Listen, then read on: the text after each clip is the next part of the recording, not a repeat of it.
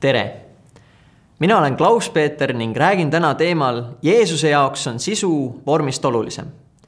alustuseks loen teile Matteuse evangeeliumist viisteist üks kuni viisteist üksteist. siis tuli Jeruusalemmast Jeesuse juurde varisere ja kirjatundjaid, kes ütlesid. miks sinu jüngrid astuvad üle esivanemate pärimusest? Nad ei pese oma käsi, kui hakkavad leiba võtma. aga tema vastas neile. miks teie ise astute üle Jumala käsust oma pärimuse pärast? Jumal ütleb ju, austa isa ja ema ja kes isa või ema sajatab, peab surma surema. Teie aga lausute, kui keegi ütleb isale või emale, olen selle pühendanud templile ohvrianniks, mis sina pidid minu käest saama, siis ta ei pea enam oma vanemat austama. Teie olete muutnud Jumala sõna tühjaks oma pärimusega. Te silmakirjatsejad, õigesti on teie kohta ennustanud Jesaja see rahvas austab mind huultega, nende süda on aga minust kaugel. ilma aegu teenivad nad mind, õpetades õpetusena inimeste käskimisi. ja kui Jeesus oli rahva hulga enda juurde kutsunud, ütles ta neile. kuulge ja mõistke. inimest ei rüveta see, mis ta suust sisse läheb, vaid see, mis suust välja tuleb, rüvetab inimest. siin on kontekst päris oluline. variserid süüdistasid Jeesust selles, et tema järgijad ei pesnud enne söömist käsi. aga sealjuures on oluline ka tõik, et variseridel endal oli väga kindel kätepesurituaal, mida peeti sisuliselt pühaks. aga Jeesuse järgijad seda ei täitnud. Jeesus aga vastas nende kriitikale, tuues välja variseride loodud reeglite silmakirjalikkust see osa, mis räägib templi ohvriannist ja vanematest, viitab praktikale, mida võib võrrelda maksupettusega, kus nad oma vanemate pensioni maksmise asemel annetasid raha templile ja pesid selle puhtaks. kogu selle osa mõte on viidata asjaolule, et reegleid saab väänata ja neist kõrvale hiilida, aga reeglid ei ole tegelikult need, mida me peaks proovima täita, vaid mõte nende reeglite taga aga see viimane osa, kus Jeesus õpetab, et kedagi ei rüveta see, mis suust sisse läheb, vaid see, mis välja tuleb näitab, mis on Jumala jaoks oluline. loomulikult me teame ka tänapäeval, et käte pesemine on hea, et haigusi eemal hoida, aga Jeesuse jaoks on olulisem see, milline on meie hinge tervis. ja see hinge tervis tuleb sellest, millised on meie teod väljapoole, mitte sellest, mida me tarbime. muidugi tasub meeles pidada, et meie käitumisel ja tarbimisel saab olla seos. näiteks liigse alkoholi tarbimise puhul võime teha midagi mõtlematut ja halba alkoholi tarbimine on küll tervisele halb, aga see ise ei ole see, mis meid rüvetab. aga teod või tegemata jätmised, mis sellest tulenevad, võivad seda olla. kui aga mõelda nüüd variseride peale, siis nende jaoks oli probleem, et Jeesus ei mahtunud nende jaoks justkui korralikku usklikku malli ning nad andsid sellest häälekalt märku.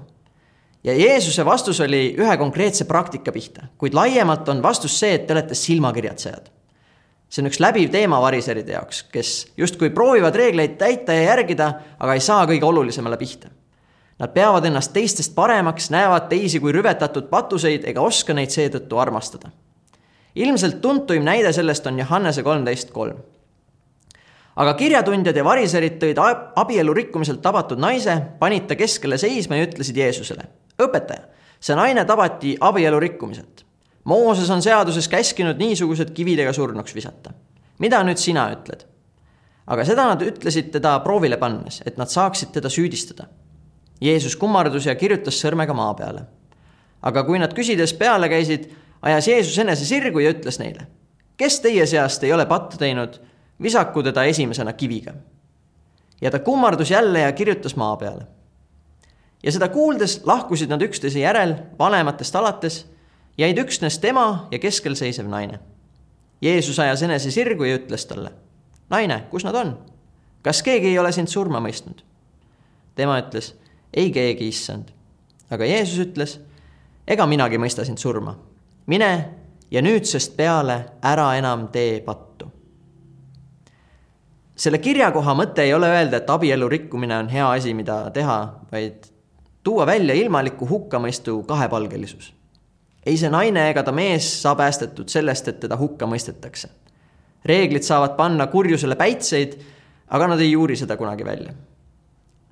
ja nüüd, kui täiusliku vormi tagaajamine variseride jaoks ei töötanud, siis ilmselt ei tööta see ka meil. pealegi Jeesus ei kutsu meid täna olema perfektsed, ta kutsub meid endaga kaasa, et me saaks õppida teda uskuma ja usaldama ning ise paranema. Nagu me ei oota oma lastelt, et nad oleksid kohe perfektsed või et nad teeks meie armastuse väärimiseks üht või teist, me lihtsalt armastame neid, tahame neile parimat ja soovime, et nad kuulaks meid ja vähehaaval õpiks ka Jeesuse jüngrid eksisid korduvalt pärast Jeesusega kaasa minemist. ehk kõige meeldejäävamalt Peetrus, kes Jeesust kolm korda salgas pärast Jeesuse ristilöömist, olles näinud rohkelt imesid ning saanud oma usule korduvalt kinnitust. Aga siit ehk tekib küsimus, et kuidas see Jeesuse järgmine siis saab käia, kui see ei ole reeglite järgimine? noh, me peaksime otsima Jumal, suhet Jumalaga ja te, teda usaldama omast kogemusest äh, julgeks seda öelda, et, et see oli mul isegi enne, kui ma olin piiblit lugenud äh,. vahepeal viivad asjad lihtsalt selliste hämmastavate kokkusattumusteni, kui sa julged usaldada ja minna oma õigete tunnetadega ka kaasa. aga tooksin teile ka ühe näitest ühest korrast, kus, kus ma vastupidiselt käitusin. pidasin nimelt oma sõn-, sõbranna juures ühte sünnipäeva, enda sünnipäeva ta oli väga lahke ja lubas mul siis kasutada oma kodu selleks, et sünnipäeva pidada. ja ühe lõbusa asjana ehitasime sinna sõbraga tekionni. Järgmisel päeval, kui hakkasin koristama ja tegutsema, siis, siis järgisin justkui reeglit, et äh, viisakas oleks mitte maha jätta endast segadust, et sõbranna saaks tulla sellisesse koju, millega ta harjunud on. aeg pressis peale ka, hakkasin kiirustama ning ise tundsin, et olen sihuke nagu närviline ja miski on justkui valesti ja selle valesti tundmise tipphetk oli see, kui ma lammutasin selle tekihonni ära, et kõik kohale toodud pleedid ja tekid ära pakkida ja kõik eemaldada. Terve aeg tundsin, et midagi on valesti, aga ma olin selles reeglis kinni ja ei usaldanud oma sisetunnet üldse. aga kui sõbranna jõudis koju, ei rõõmustanud ta eriti, et peost polnud ühtegi jälge ning olime kõik ära pakkinud, et kohe lahkuda, kui ta tuleb. ei, selle asemel ütles ta, et oh, nii kurb, et te tekihonni maha võtsite, ma oleks tahtnud seda näha. tagantjärele ma siis mõtlesin, mis valesti läks ja sain aru, et ma oma kiirustamises unustasin ära mõelda, et milline see sõbranna tegelikult on ja milline on meie suhe. loomulikult oleks ta tahtnud tekihonni näha ning muidugi ta ei pahanda, et ma pole seda tema tulekuks maha võtnud. aga kuidas mitte unustada oma suhet Jumalaga ning kuidas selles edasi areneda, kuidas õppida paremini Jumalat usaldama ja ennast tema kuulmises usaldama eks sellele küsimusele pole ühte vastust, aga minu jaoks on kõige olulisem palvetamine. Ja kuna olen ise tundnud, et see minu jaoks tähendab palvetamine midagi muud kui paljude teiste jaoks, siis kuulasin hiljuti ka oma kogukonna juhi Maali soovitatud podcast'i, mis sellest rääkis. selle nimi on Rule of Life ja keda palveteema huvitab, siis kindlasti soovitan. seal jagati palvetamine nelja astmesse. Jumalale rääkimine, Jumalaga rääkimine, Jumala kuulamine ning Jumalaga olemine Need ei ole nüüd küll tasemed, et ühest liigutakse teisele ja eelmised unustatakse ära, aga mingis mõttes käib selline järjestus küll, kui me palvetama hakkame. aga mina tahaks rääkida teile just sellest Jumala kuulamisest. mida see tähendab, kuidas see käib? minu arvates üks hea eeldus siinkohal on, et Jumal räägib meiega pidevalt. ma ei mõtle otsest kuulmist, ma mõtlen kõiki meeli, igast e-, väikest asja, mis viib meie mõtted ühte või teise kohta ning ükskõik, mis väikest, aga justkui õiget tunnet, mida me tunneme võiksime igaks juhuks eeldada, et Jumal alati sosistab meile midagi, mis on piisavalt vähe tähelepanu äratav, et saame valida seda mitte kuulda ning lihtsalt mõelda, et see võib-olla ei olnudki midagi. aga minu jaoks kõige lootustandvamad ja sügavamad hetked Jumalaga on just olnud siis, kui ma lasen minna ja kuulan ja usaldan. ja lõpuks ma jõuan tavaliselt millegi oluliseni välja ühe näitena viis selline tegu viis äh, mind kokku mingis mõttes ka mu abikaasa Eliisaga. Läksin talle Austraaliast Taisse külla ja võtsingi endale rahulikult aega. Mul oli autosõit oli lennujaama, sealt, kust ma olin, oli seitse tundi. ma olin selle pileti ära ostnud. aga ma hakkasin sõitma lihtsalt päev varem. Äh, sõitsin siis kõigepealt äh, õhtul, magasin autos, vaatasin tähti hommikul sõitsin lennujaama lähedale parklasse, mis oli, juhtus olema lihtsalt kruiisilaevade sadam ja kuna mul oli aega üle, jalutasin seal ringi, leidsin talle kingituseks maailma kõige perfektsemad kõrvarõngad, mida ta on aastaid kandnud. käisin kinos vaatamas filmi, mis täpselt kuidagi sobis äh, sellesse hetke ja rahu, võttis minult mingid hirmud ära. ja, ja kui ma nüüd jõudsin sinna Taisse kohale, siis isegi asjad, mis läksid halvasti, mul kaotasin oma pagasi ära ja see, et mu telefon absoluutselt ei töötanud, tegi Elisaga kokkusaamise väga keerukaks, aga, aga ma tundsin lihtsalt, et kõik on kuidagi õige ja ma usaldasin ja ja tegelikult ei näinudki midagi halvasti, juba paari tunni pärast olin ma Eliisaga koos ja meie maagiline koos veedetud nädal äh, võis alata. aga siit võib-olla edasi ka küsimus, et mis autoriteet saab olla palvel võrreldes piibliga, et ka mina olen selle küsimusega palju vaevelnud, aga jõudnud ka paari tõdemuseni. esiteks on see pigem vabandus, kuniks see küsimus on teoreetiline kui see on midagi väga tõsist ja olulist ning sul on kahtlus, siis mõist-, muidugi oleks mõistlik pöörduda piibli ja koguduskaaslaste poole, et seda läbi mõelda. aga kui see on mingi väike asi, just praegu tuli sulle mõttesse ja ainuke probleem selle järgimisel võib olla see, et sa tunned natuke piinlikkust või mõni kaotatud minut, siis lihtsalt proovi ja õpi, usalda ja vaata, mis juhtub. võid võtta ka näiteks eraldi aja, ma ei tea, pühapäeval, iga pühapäev üks tund, kus, kus proovidki kuulata Jumalat, proovid ja, ja siis ka usaldada ja teha seda, mis sa tunned või üt, äh, kuuled. ja kui see on Jumal, siis tunned selle hea vilja järgi ära. aga autoriteedist rääkides võiksime lugeda edasi Matteuse evangeeliumist. ja Jeesus lahkus sealt ning läks varjule Tüürose ja Siidoni aladele ja vaata, üks neist paigust pärit Kaanani naine tuli ja hüüdis. issand, Taaveti poeg, halasta minu peale, kuri vaim vaevab mu tütart hirmsasti ent Jeesus ei vastanud talle sõnagi ja ta jüngrid astusid ta juurde ja palusid teda. saada ta minema, sest ta kisendab meie taga. tema vastas. mind ei ole läkitatud muude kui Iisraeli soe, soo kadunud lammaste juurde. aga naine tuli, heitis ta ette ja ütles, issand, aita mind. Jeesus vastas. ei ole ilus võtta laste leiba ja visata koerakestele. ent tema ütles, ei ole küll, issand, ometi söövad koerakesed raasukesi, mis nende isandate laualt pudenevad.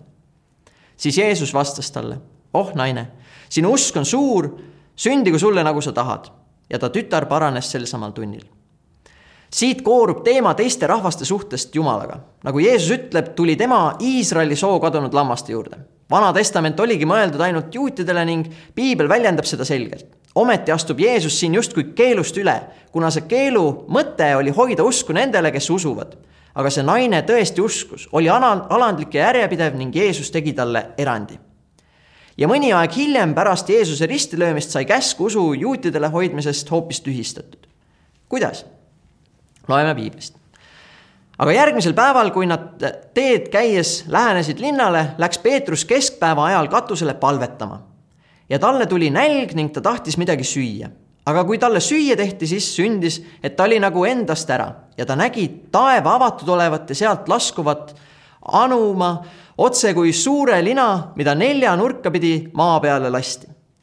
selle sees oli igasuguseid ilmamaa neljajalgseid ja roomajaid ja taevalinde ja talle kostis hääl, tõuse Peetrus, tapa ja söö.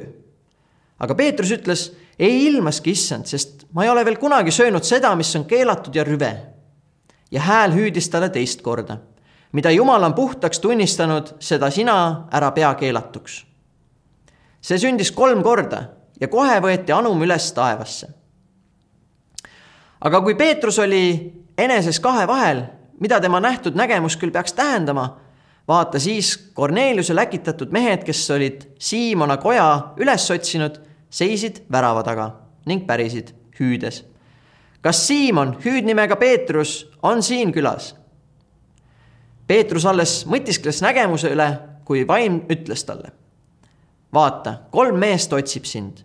tõuse nüüd kohe, astu alla ja mine nendega koos, ilma kõhklemata, sest mina ise olen nad läkitanud. Peetrus astus siis alla meeste juurde ja ütles, ennäe, mina olen see, keda te otsite. mis asja pärast te olete tulnud? Nemad vastasid, Rooma pealik Kornelius, õiglane ja jumalakartlik mees, kellel on hea maine kogu juuda rahva hulgas, on saanud pühalt inglilt märku sind oma majja kutsuda ja kuulata sinu sõnu. millest see kirjakoht räägib? jällegi sellest samast, et tegelikult ei olnud siis veel mõeldud äh, nii-öelda usk kõigile, aga see on see hetk, kus läbi palve Peetrus saab siis nägemuse ja, ja saab teada, mis on siis äh, Jumala plaan edasi ja et nüüd ongi aeg sellest äh, keelust lahti öelda ja, ja minna edasi ja viia siis usk kõikide rahvasteni. aga nagu te ka lugesite, siis ta, kuigi ta nägi kolm korda seda nägemust, ta ikkagi kahtles ja ta sai veel kinnitust siis teist kaudu veel, et, et mitte ainult siis tema enda nägemus ei olnud see, vaid, vaid siiski ka jumal juhtis tema juurde inimesed, kes noh, täiesti justkui nagu imetabaselt siis, siis kinnitasid seda, sedasama. nii et kahelda on täiesti loomulik. Aga lõppude lõpuks on palvel võimalik meid viia Jumalaga palju lähemale ja sellisele isiklikumale suhtele, kui, kui me piibli kaudu mingis mõttes saame. ja need ei ole nüüd üksteist jällegi eristavad, aga need peaksid siiski üksteist täiendama. aitäh, et kuulasite, mina olin Klaus-Peeter.